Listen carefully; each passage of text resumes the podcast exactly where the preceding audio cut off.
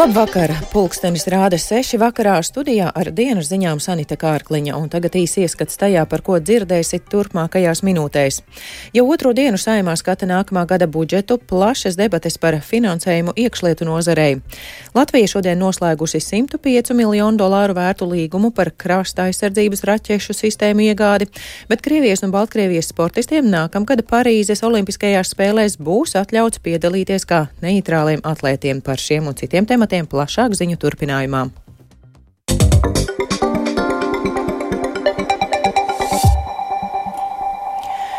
Saimā jau otro dienu turpina skatīt nākamā gada budžetu. Vakar tautas priekšstāvji vēst, vētīja par budžetu saistītos pavadošos likumprojektus, bet šodien pievērsušies priekšlikumu skatīšanai. Deputāti šobrīd skata otro simtu priekšlikumu no kopumā vairāk nekā 356. Līdz šim atbalstu nav guvuši virkne ar iekšlietu sistēmu saistītu priekšlikumu, tāpat noraidīti vairāki ar eksportu, diasporu un ekonomiku saistītie rosinājumi. Vairāki jautājumi raisīja plašas debates debates, kurās tradicionāli opozicionāri izmantoja iespēju kritizēt koalīciju. Paklausīsimies fragmentu no šīs dienas debatēm. Lielākā budžeta daļa aiziet vienotības ministrijā un pārējiem pēc pārpalikuma. Arī iekšienēji pēc pārpalikuma principa. Čakšs kundzei vajag dabūnu, Hosams Abumērī izredzēts, Jūs aizstāvat azartspēles, alkoholu, oligarhus un nevarat piešķirt 10 tūkstošus, 20 tūkstošus mūsu vēsturei? Mēs ar esošu iekšlietu ministru pazīstam jau sen. Mūsu komunikācija jau bijusi diezgan asa, tā nelaikos. Šodien neredzu iespējas viņu mainīt, jo nevaru saprast tā bumeranga atgriešanos. Kāda ir jēga? Ienākt amatā, ieņemt krēslu, un kāds ir sausais rezultāts? Un nav attaisnojums tam, kad ir kāda sapņa par Briseli vai lidmašīnām. Budžeta sarunās līdz šim visvairāk apspriesti ar iekšlietu sistēmu saistītie jautājumi. Opozīcijas partijas piedāvāja dažādus variantus darbinieku algu palielināšanai un dažādiem labumiem, lai motivētu esošos nozares darbiniekus un piesaistītu jaunus. Opozicionāri arī vērsa uzmanību uz lielo atšķirību starp militārās un iekšlietu nozares darbinieku labklājību un aicināja piešķirt iekšlietām vairāk naudas arī darba kvalitātes uzlabošanai. Priekšlikumi netika atbalstīti, bet saimā savu pozīciju un situāciju nozarē vairāk kārt skaidroja arī iekšlietu ministrs Rihards Kozlovskis no jaunās vienotības. Šajā budžeta ietvarā nebija iespējams nodrošināt. Nu, mēs darīsim visu, un arī runāju ar premjeru un ar finanšu ministri, ka iekšlietu nozara būs arī prioritātes priekš, un skaidrs, ar šādu pieaugumu, kas pašlaik ir noteikts, mēs nevaram sasniegt šo izlīdzināšanu. Tādēļ šis būs prioritāri nākamā gada budžeta jautājums. Ja ļoti gribētos, mēs šo situāciju novērst ar vienu gada risinājumu nevarējām. Deputāti darbu šodien beigs deviņos vakarā, līdz ar to budžeta likumprojektu turpinās skatīt brīvdienās. Gada inflācija novembrī Latvijā samazinājusies līdz 1%. Mēnesi iepriekš tā bija 2,1%, tā liecina Centrālās statistikas pārvaldes dati. Savukārt patēriņa cenas novembrī salīdzinājumā ar oktobri nemainījās.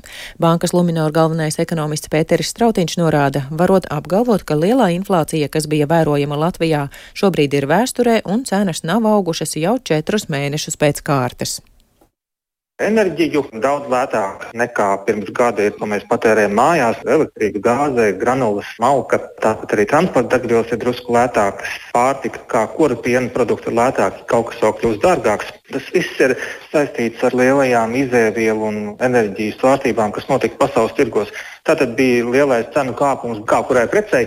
Tas to cenu līmeni uzgrūda augšā, strauji arī patēriņa cenu līmeni. Un, un tagad, eh, pēc tam, kad biržās cenas ir kritušās, tad patēriņa cenas tagad lēnām panē lejup.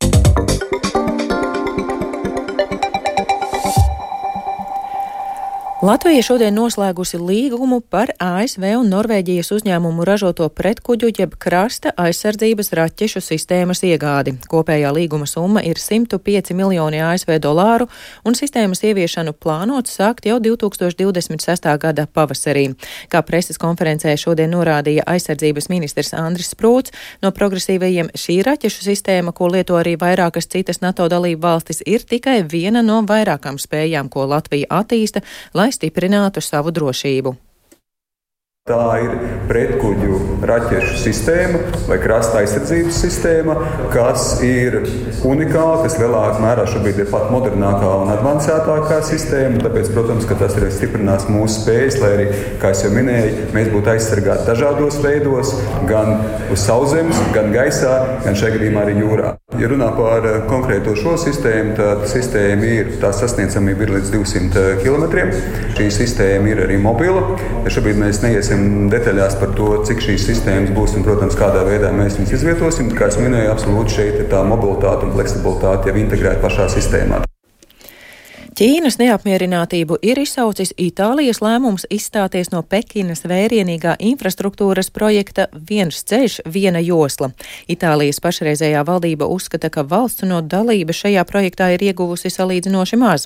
Itālijas izstāšanās no viena ceļa, vienas joslas iniciatīvas notiek laikā, kad Eiropas Savienība strādā pie tā, lai samazinātu ekonomisko atkarību no Ķīnas. Vairāk stāsta Uldis Ķezberis.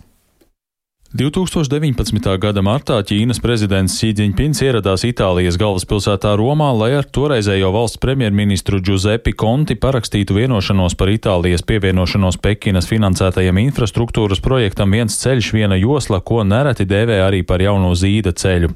Šī projekta mērķis ir stiprināt Ķīnas tirdzniecības saites ar citām Āzijas valstīm, Eiropu un Āfriku, galvenokārt savienojot šīs pasaules daļas caur jūras un sauszemes koridoriem.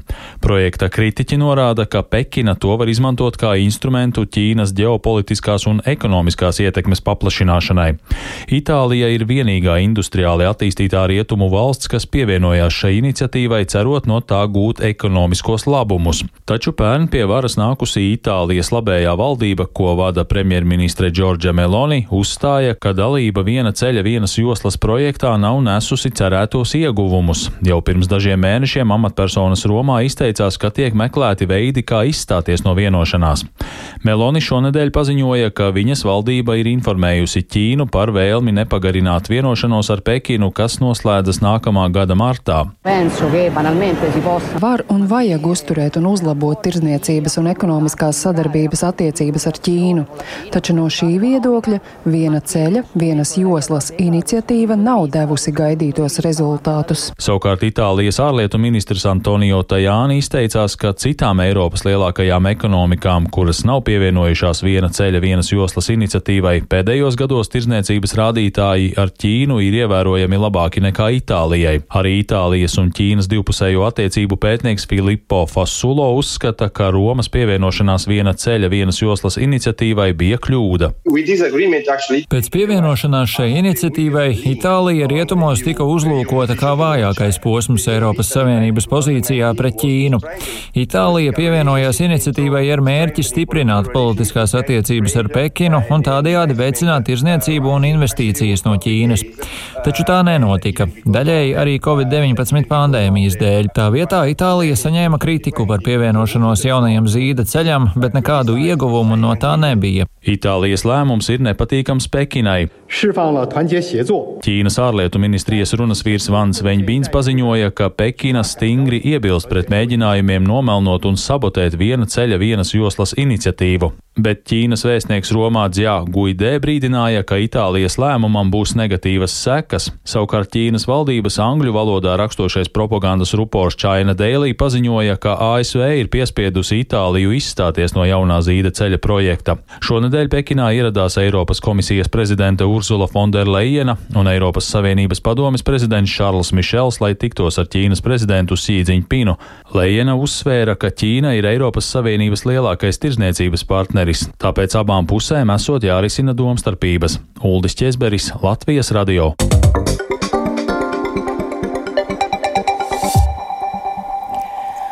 Startautiskā olimpiskā komiteja šodien atļāva Krievijas un Baltkrievijas sportistiem nākamā gada Parīzes olimpiskajās spēlēs piedalīties kā neitrāliem atlētiem. Un par to mums vairāk ir ieradies šokar pastāstīt Mārtiņš Kļavinieks. Labvakar! Jā, sveiks, Anita, un sveicināt arī Latvijas radio pirmā kanāla klausītāji. Jā, šis lēmums nāca diezgan vēlu šodien, neilgi pirms oficiālās darbdienas beigām, pēc Latvijas laika pirms pieciem, bet nevar teikt, ka tas ir negaidīts, jo kulāros jau runāja, ka šāds lēmums tik tiks pieņemts. Tiesa kompetenti eksperti, vismaz cik man bija līdz šim zināms, sacījumi bija diezgan pārliecināti par to, ka šādu lēmumu Startautiskā olimpiskā komiteja pieņems mm, tikai nākamā gada pavasara izskaņā. Tas droši vien mm, ar nodomu, lai būtu mazāk laika reakcijām un kaut kādām iespējām mm, veidot pretstraumes šim lēmumam un mēģināt to apstrīdēt, bet šeku reku tomēr ir nolēmusi tieši šodien šādu lēmumu darīt oficiāli oficiāli Starptautiskā olimpiskā komiteja. Jā, nu pati organizācija savā mājaslapā ir publicējusi arī ziņojumu par šo lēmumu, proti tas viss sāks ar ievadu, ka kopumā jau 4600 sportisti ir kvalificējušies um, Parīzes olimpiskajām spēlēm nākam vasar, kas notiks no jūlija beigām līdz augusta vidum. Nu, un 11 no tiem arī ir individuālie sportisti no agresoru valstīm, Krievijas un Baltkrievijas. Tie ir 8 Krievi un 3 Baltkrievi. Nu, tātad viņiem arī zem neitrālā karoga būs ļauts piedalīties Parīzes Olimpiskajās spēlēs eh, nākamgad. Tāpat arī tiek piebilsts, ka mm, vairāk nekā 60 ukrāņu atlēti varētu startēt eh, Parīzē, kas ir aptuveni līdzīgs skaitlis kā Tokijas mm, vasaras spēlēs 2021. gadā, bet Lielā Olimpiskā komiteja, Pasaules Startautiskā Olimpiskā komiteja arī ir publicējusi sešus konkrētus pieturas punktus, kas tad būs šīs neutralitātes pamatā, proti tie būs atlēti, kur būs kvalificējuši pieteikušies, kuriem ir um, Krievijas vai Baltkrievijas pasi. Um, tie būs atlēti, kuriem uh, nu, tā tad uh, nedrīkstēs būt nekāda piedarība iekšlietu struktūrām vai arī um, armijas struktūrām Krievijā vai Baltkrievijā. Nu, nedrīkstēs arī aktīvi paust atbalstu Krievijas um, vai Baltkrievijas armijai, arī Krievijas armijas um, pastrādātajiem Ukrainā. Līdz ar to nu, tie ir tie galvenie noteikumi punkti, ko es šobrīd nosaucu. Tiesa bažas gan rada tas, kā šo neutralitāti deputāti varēs definēt un kā to noskaidrot, jo atceramies mm, kaut vai iepriekšējās um, ziemas, arī vasaras olimpiskās spēles, kriev, kurās krieviem bija jāstartē zem neitrāla karoga dopinga mm, pārkāpumu dēļ, antidopinga noteikumu pārkāpumu dēļ. Nu, tur viņi dažādi izpildījās un savas krāsas, karoga krāsas un ne tikai arī dažādas simbolus atrādīja mm, savā ietērpā, jakās, cimdos, zeķēs, cepurēs, visā pārējā. Tā kā sekosim līdzi, ka šī situācija attīstīsies, nu, visticamāk būs eh, arī kādas pretstraumes eh, pret šo lēmumu, bet pagaidām vēl mēdī Latvijā gaida. Arī es sazinājos ar Latvijas Olimpisko komiteju, gribēju uzzināt viņu viedokli un viņu nu, tādu pirmo verdiktu par šādu lēmumu. Pagaidām eh, Olimpiskā komiteja vēl gatavo savu oficiālo paziņojumu. Cerams, ka jau drīzumā varēsim arī jūs par to informēt, ko domā Latvijas Olimpiskā komiteja. Jā, paldies, Mārtiņ! Un ar to arī izskan dienas ziņas sešos vakarā. Producents Viktors Pupiks ierakstus montēja Uldis Grīnbergs pie skaņu pults Katrīna Bramberga, bet studijā Sanita Kārkliņa un vēlreiz īsumā par dienā svarīgāko. Jau otro dienu saimā skata nākamā gada budžetu. Plašas debates ir par finansējumu iekšlietu nozarei. Latvija šodien noslēgusi 105 miljonu dolāru vērtu līgumu par krasta aizsardzības raķešu sistēmas iegādi, bet Krievijas un Baltkrievijas sportistiem nākamgad Parīzes Olimpiskajās spēlēs būs atļauts piedalīties kā neitrāliem atlētiem.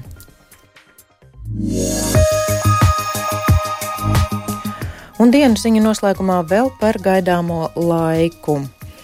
Uh, Rīgā diena aizvadīta apmākusies, bez ievērojumiem nokrišņiem, pat laban mīnus 5 grādi pūš, mērens dienvidu austrumu vējš brāzmās brīžiem līdz 6 metriem sekundē.